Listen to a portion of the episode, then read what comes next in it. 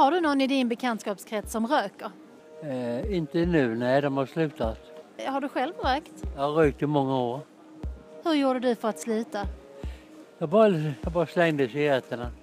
Så enkelt? Ja, ja. Fast jag är smålänning så slängde jag dem. Vad var den bästa känslan med att sluta röka? Att jag mådde bättre. Vad tycker du om rökning? Eh, rätt dåligt. Eh, jag tycker det, det luktar inte gott, det är dåligt för kroppen och eh, ja, det är allmänt bara dåligt liksom. Har du feströkt någon gång? Ja, det har jag. Varje helg.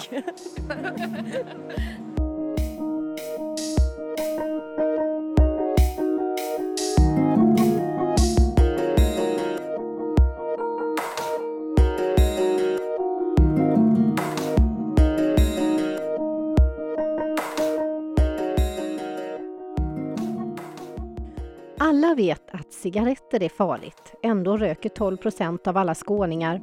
Vad är det som skapar suget efter nikotin och hur gör man för att sluta?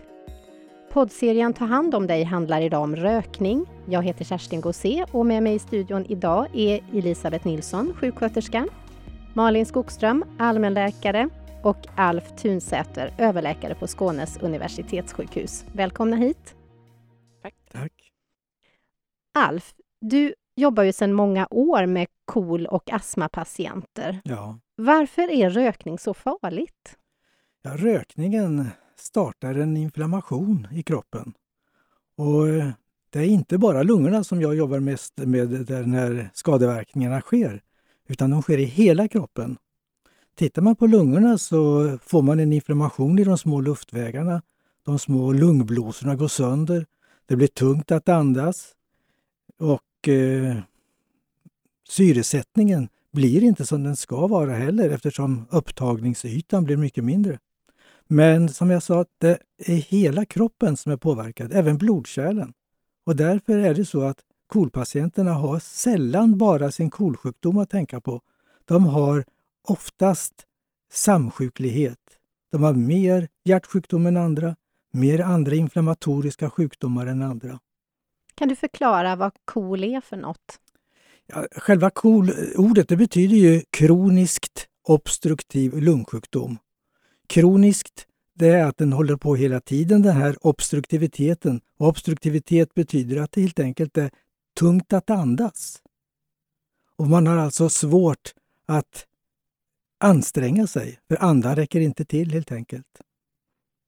KOL är ju bara en av många sjukdomar som är en konsekvens av rökning. Vilka fler ser vi?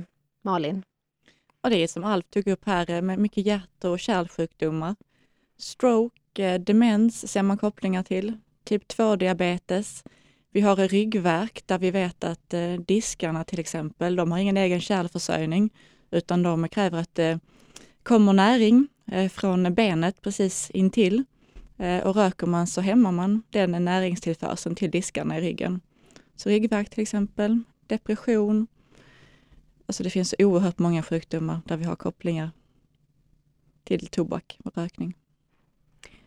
Inom sjukvården pratar vi mycket att eh, det är viktigt med rökstopp inför operation. Vad beror det på att man måste sluta röka innan man kan opereras? Ja, det påverkar en, en lång rad av komplikationer, både under operationen men även efter. Såret läker sämre och eh, man kan få hjärt och kärlproblem under operationen. Och eh, man ser då att sex veckor innan och sex veckor efter om man slutar så minskar man komplikationerna med 50 procent. Det är alltså stora vinster med att direkt sluta röka. Absolut, och även efter. Elisabeth, eh, du jobbar ju med rökavvänjning. Mm. Varför ger cigaretterna ett så starkt beroende? Kan du förklara det? Mm. Nikotin eh, är, det är någonting lurigt som ganska snabbt efter bara 30 sekunder når vår hjärna och eh, då så sätter det sig på vårt belöningssystem. Och där finns mottagare som ger oss kickar och de här kickarna så blir vi då snabbt beroende av. Eh, Man har också tillsatt ammoniak i cigaretterna vilket ökar att det går ännu fortare att man får den här kicken. Du berättade här innan att eh, cigaretterna är, är, idag är farligare än tidigare. Stämmer det? Ja, på 70-talet så började man tillsätta saker i eh, och eh, dels det här med ammoniak men även socker, vilket också ökar graden av eh, hur man blir beroende. Eh, och det gör också att Eh, man har tillsatt ämnen som vidgar luftrören, vilket gör att vi kan komma lättare ner med röken längre ner i lungorna. Och där kan man också då utveckla cancer som är svårare att hitta. Så de har blivit farligare. Alla vet ju att det är väldigt farligt. Ni har nämnt en eh, mängd negativa effekter av rökning. Ändå så börjar eh, folk att röka, unga människor. Vad, vad är liksom drivkraften till det? Ja, det är att det väldigt snabbt skapas ett beroende och eh, sen kan också eh, det här med, när man röker så får man ju en liten lustkänsla eh, som är precis när man har rökt och det kan göra att det blir ett sätt att hantera sin vardag. Så många idag som har andra problem, man är kanske ledsen eh, och, och, så, och så hjälper cigaretterna att klara eh, sin vardag. Det är alltså förrädiskt? Det är förrädiskt. Där tycker jag att man ska prata med sina patienter lite om just den här känslan av att cigaretterna lugnar en. Ehm, utifrån, ser man på två grupper, en som röker och en som inte röker, så har man ju betydligt mer psykisk ohälsa i den gruppen som röker. Både vad gäller oro, ångest, depression, sömnbesvär. Och en stor del av det lugnet man upplever när man tar en cigarett, det är ju säkerligen att den nikotinabstinensen som man upplever då lugnas och dämpas så att säga. Men att grundkänslan i sig är ju ändå att tobak i sig stressar kroppen med att höja puls och blodtryck och dra igång ett stressrespons i kroppen. Eh, med vilka patienter talar du om eh, rökning, Malin? Jag på att säga, vem pratar jag inte rökning eh, med? Jag tycker det är en fråga som nästan ska ställas till alla patienter. Ehm, det gäller folk med infektioner, lättare förkylningar. Det vet vi ju att rökningen där påverkar flimmerhåren, svårare att läka ut infektioner, sämre immunförsvar.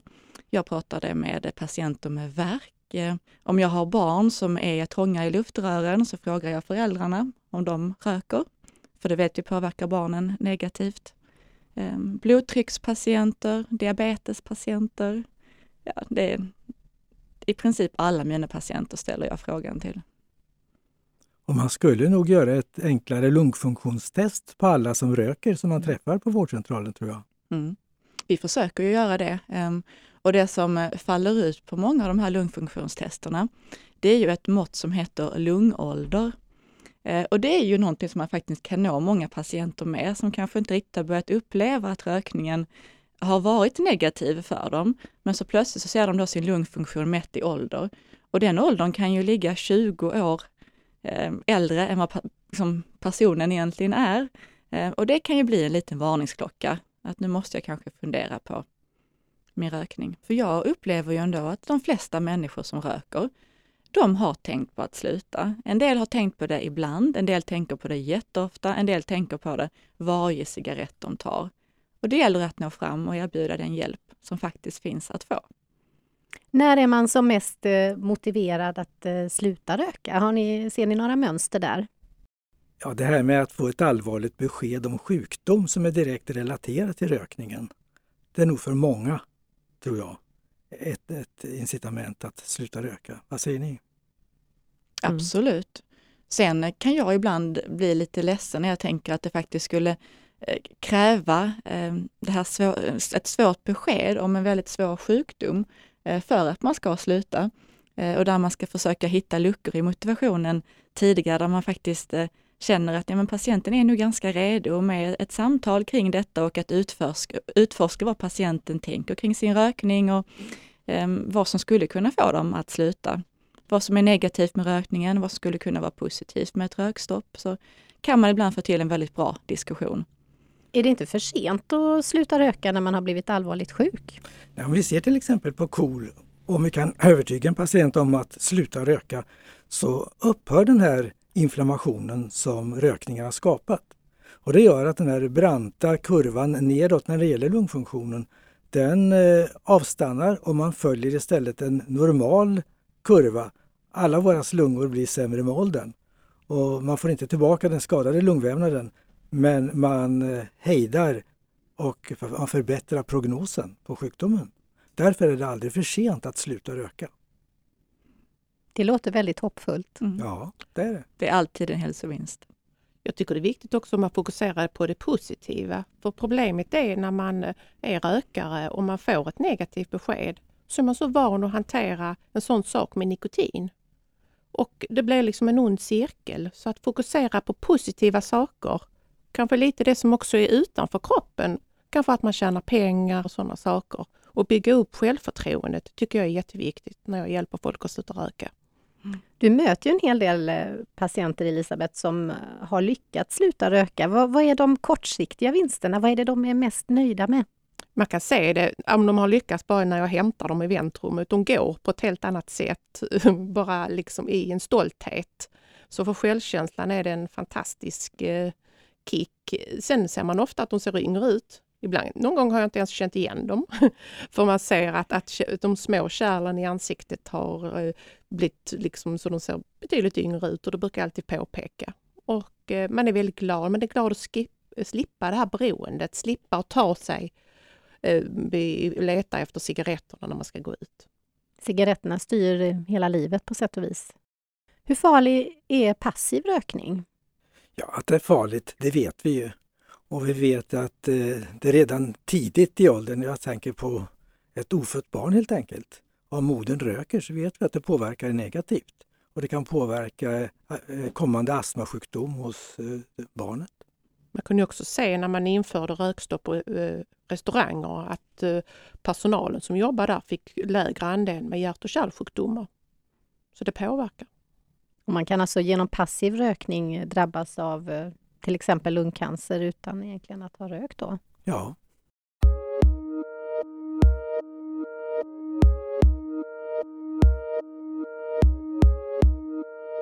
Har du någon gång rökt? Ja, i min ungdom rökte jag några år. Vad tror du är det bästa tillvägagångssättet för att sluta röka? Eh, att man bestämmer sig helt enkelt, att eh, man tar ett beslut att nu ska jag sluta röka. Hur gjorde du när du slutade röka? Jag eh, väntade ju barn och eh, när det började liksom, eh, när jag började bli sugen på att röka, då cyklade jag. Eh, så jag cyklade jättemycket, så jag gick inte upp i vikt heller. Röker du? Eh, nej, det gör jag inte.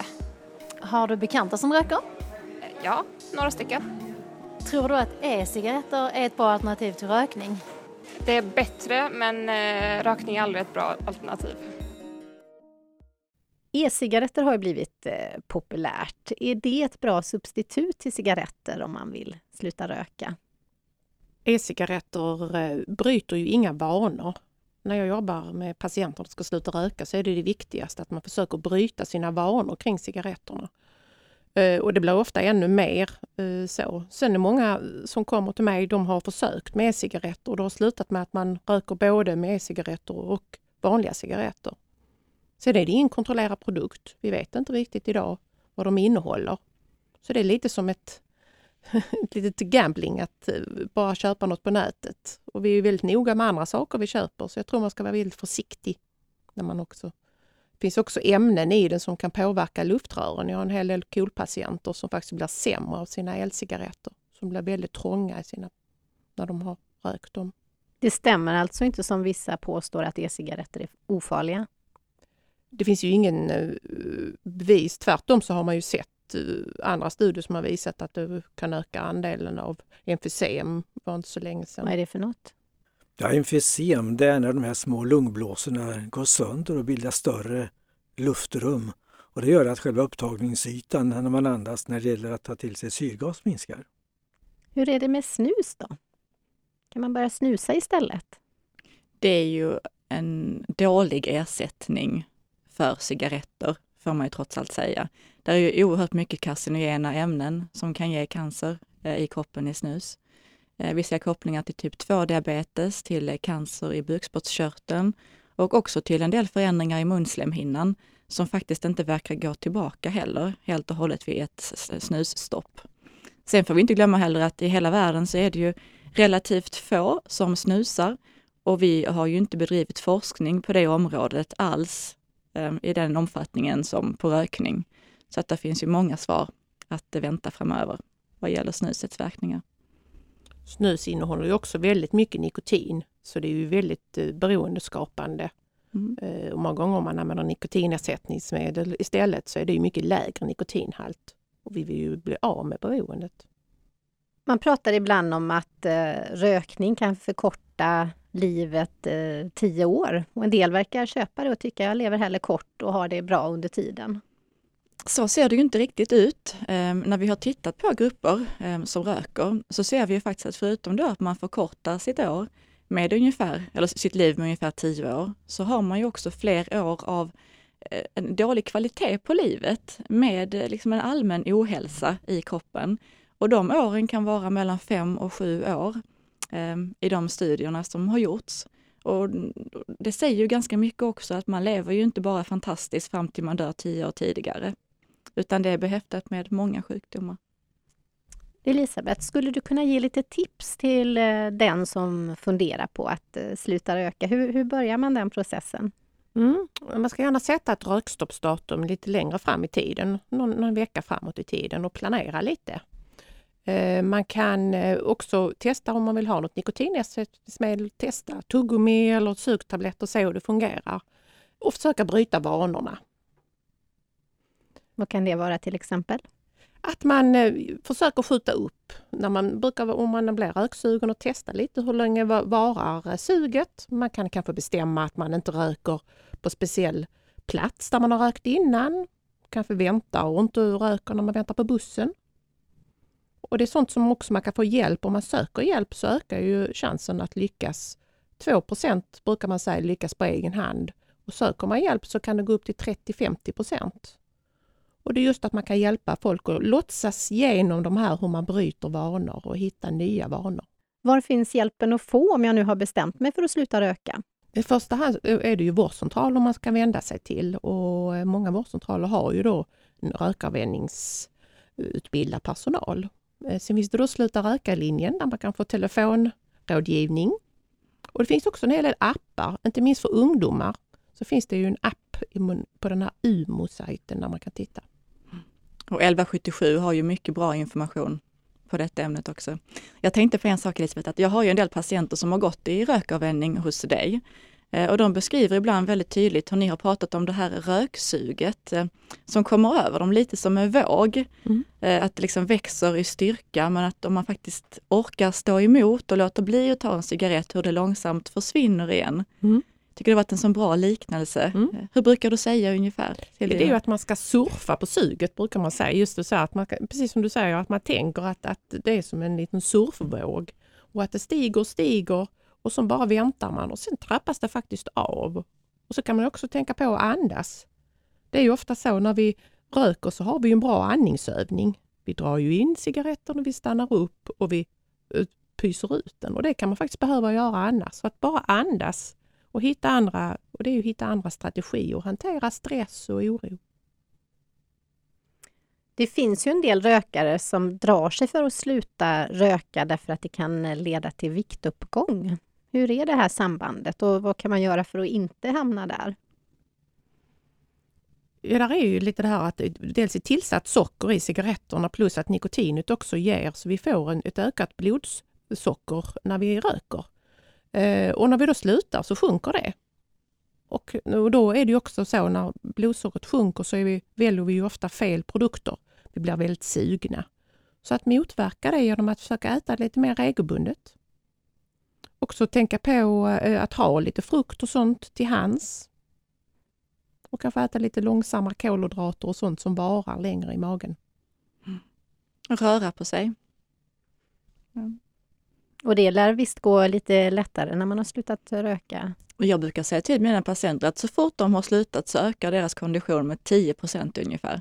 För det är liksom den mängden eh, syre som kan bindas till blodkropparna extra för att de här dåliga gaserna med kolmonoxid från cigaretterna inte binder sig längre. Och det borde vara en kick om något. Du är verkligen en ambassadör för att sluta röka. Du säger det är den bästa medicinen. Ja, det finns ingenting som jag som läkare kan göra som är viktigare än att motivera mina patienter till rökstopp. Mm. Faktiskt. Vad tänker du då? Jag tänker att eh, det påverkar så oerhört många sjukdomar och leder till så mycket ohälsa och förtida död. Ehm, att det skulle vara att brista i sin läkarroll att inte föra detta på tal med våra rökare och verkligen försöka erbjuda den hjälp som finns att få inom sjukvården. Det är vår bästa satsning. Mm. Helt och hållet. Mm. Vad är det bästa rådet till eh, den som funderar på att sluta röka? Det är att bestämma sig och ta lite hjälp. Prata med familj och vänner om att man tänker sluta, förbereda sig själv eh, på det. Mm. Och tänka på de här abstinenserna och det här jobbiga som många upplever. Det varar ju i tre, kanske max fyra veckor och sen blir det mycket bättre i förlängningen. Stämmer det verkligen? Tre, fyra veckor och sen eh, går det lättare och lättare? Oh ja. Mm. Då gäller det att härda ut. Då gäller det att härda ut och får man lite tips på vägen så går det hur bra som helst. Mm. Det låter härligt. Ja, och att försöka fokusera på allting som blir bättre eh, i kroppen. Att lukt och smak förbättras. Eh, flimmerhåren återför sin funktion, slembildning i luft, eh, luftrören minskar. Man minskar sina risker för hjärt-kärlsjukdom, för lungsjukdom, för cancer på sikt. Eh, så det är ju oerhört många vinster. Och har de redan börjat bli sjuka så lönar det sig ändå. Mm eftersom prognosen förbättras i så hög grad. Mm. Hur ser det ut med rökning bland unga, Elisabeth? Mm. Där kan man faktiskt se att om man tittar på riket i stort så har det minskat, både om man tittar på de som går i nian och de som går andra året i gymnasiet. Så det är väldigt glädjande. Eh, och det är både bland flickor och pojkar. Men det är fortfarande en ganska stor andel, uppemot en tredjedel av alla gymnasister som röker.